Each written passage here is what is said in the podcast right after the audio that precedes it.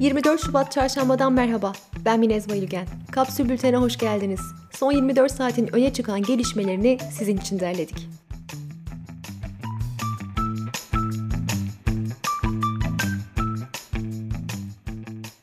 Mert El, 29 yaşında İzmir'de yaşayan, perküsyon çalan bir müzisyendi.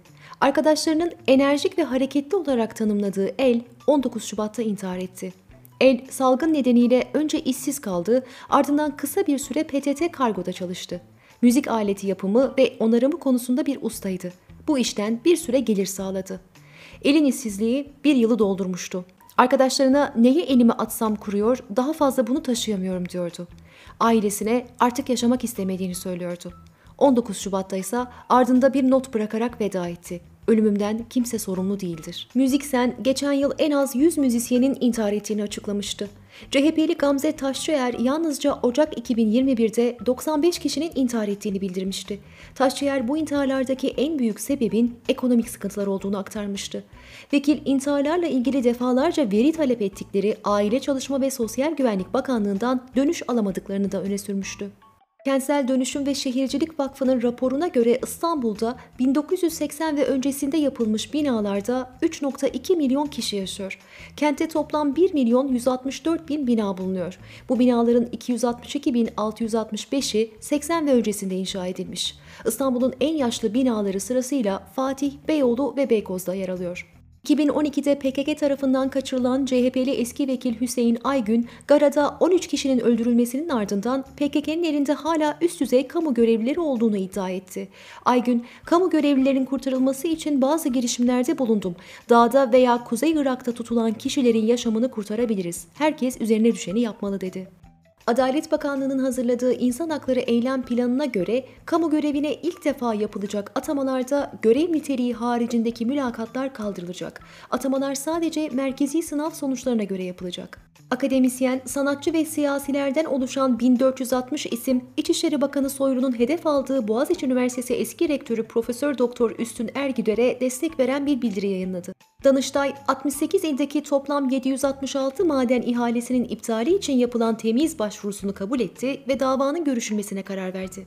Galatasaray Üniversitesi akademisyenleri Fransız öğretim üyelerine Türkçe bilme şartı getiren kararın iptal edilmesini istedi.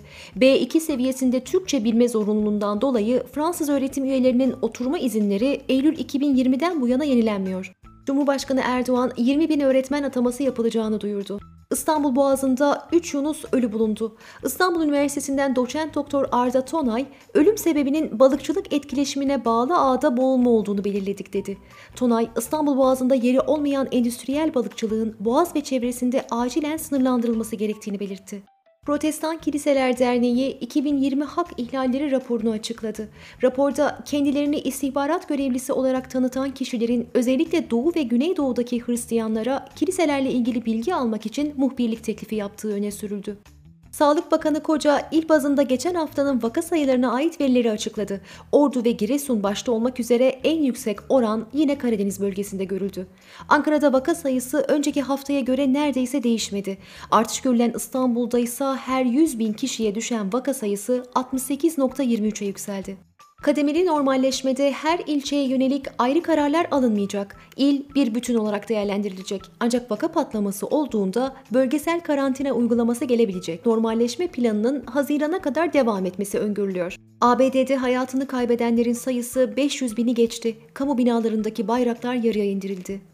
Milli Savunma Bakanlığı, Kuzey Ege'de bilimsel ve teknik araştırmalar yapan TCG Çeşme gemisinin Yunanistan'a ait 4 F-16 savaş uçağı tarafından taciz edildiğini açıkladı. Bakan Akar, kurallar çerçevesinde karşılık verildiğini söyledi. Kanada'da parlamento Çin'in Uygur Türklerine yaptığını soykırım olarak tanıdı. Kanada, ABD'nin ardından bu kararı veren ikinci ülke oldu. İran devrim muhafızları askerleri Pakistan sınırında iki gündür bekletilen petrol kaçakçılarına ateş açtı, en az 10 kişi hayatını kaybetti. Kaçakçılar 48 saattir aç ve susuz bırakıldıkları gerekçesiyle protesto gösterisi düzenlemişti. Avrupa Birliği Arakanlı Müslümanlar için Bangladeş'e 24,5 milyon euro, Myanmar'a da 11,5 milyon euro destek gönderdi. Toplam 2,5 milyonluk nüfusuyla dünyanın vatansız en büyük toplumu olarak anılan Arakanlı Müslümanlar yaklaşık 100 yıldır baskı ve şiddet altında yaşıyor. BM, Arakanlı Müslümanlara yönelik şiddeti etnik temizlik ya da soykırım olarak adlandırıyor. Hapis cezası alan rapçi Pablo Asel'e destek vermek için Barcelona'da 7. gününe giren protestolarda 106 kişi gözaltına alındı, 82 kişi yaralandı. Asel, kraliyet ailesine ve devlet kurumlarına hakaretle suçlanıyor. Clubhouse, konuşmaların gizliliği kuralını ihlal eden açığın varlığını doğruladı. Şirket, konuşmaları başka bir internet sitesinde yayınlamanın yolunu bulan kullanıcının girişinin yasaklandığını ve yeni önlemler alındığını açıkladı. Avustralya'nın Kimberley bölgesinde 17.300 yıllık bir kanguru resmi bulundu. Bilim insanları 2 metre boyundaki resmin Avustralya'da bulunan en eski kaya sanatı eseri olduğunu belirtti. Maltepe Belediyesi işçileri %47'lik zam teklifine karşı greve başladı. Teklifin gerçeği yansıtmadığını söyleyen işçiler en düşük işçi ücretinin 4000 lirayı bile bulmadığını söyledi. İstanbul, Ankara, İzmir, Bursa, Antalya ve Samsun'da esnaf sokağa çıktı. Esnaf aylarca net asgari ücretin bile yarısından az olan bir rakamla geçinmemiz beklendi. Şimdi o da kesiliyor dedi. Bursa'daki eylemde ise müzisyenler Yeni Türkü'nün Aşk Yeniden şarkısını uyarlayarak Aç Yeniden parçasıyla yetkililere seslendi. Enerji ve Tabi Kaynaklar Bakanı Dönmez, rüzgardan elektrik üretiminin Türkiye tarihinde ilk kez aylık bazda %10'u geçtiğini söyledi. ABD Hazine Bakanı Yellen, Bitcoin'in çoğu zaman yasa dışı finansman için kullanıldığını belirterek dijital parayı verimsiz ve spekülatif olarak niteledi. Geçen hafta 59 bin dolara ulaşan Bitcoin %17 değer kaybederek 48 bin dolara geriledi. Bill Gates, yeterince sermayesi olmayanlar bu çılgınlıklara kapılıyor. Elon Musk'tan daha az paranız varsa dikkatli olun dedi. Dünyaca ünlü 12 Japon şirket Uygur Türklerinin maruz kaldığı hak ihlalleri nedeniyle Çinli ortaklarıyla işlerini bırakacak veya bırakmayı düşünecek. Şirketler arasında Sony ve Toshiba gibi markalar da var. Günün sözüyle kapatıyoruz. Covid-19 aşısı yaptıran en yaşlı insan 111 yaşındaki Maria Olenbacher. Uzun yaşamanın sırrı şarap, bira ve iyi yemek. Kapsül'ün e-bültenlerine abone olmak için kapsül.com.tr'yi ziyaret edebilirsiniz. Hoşçakalın.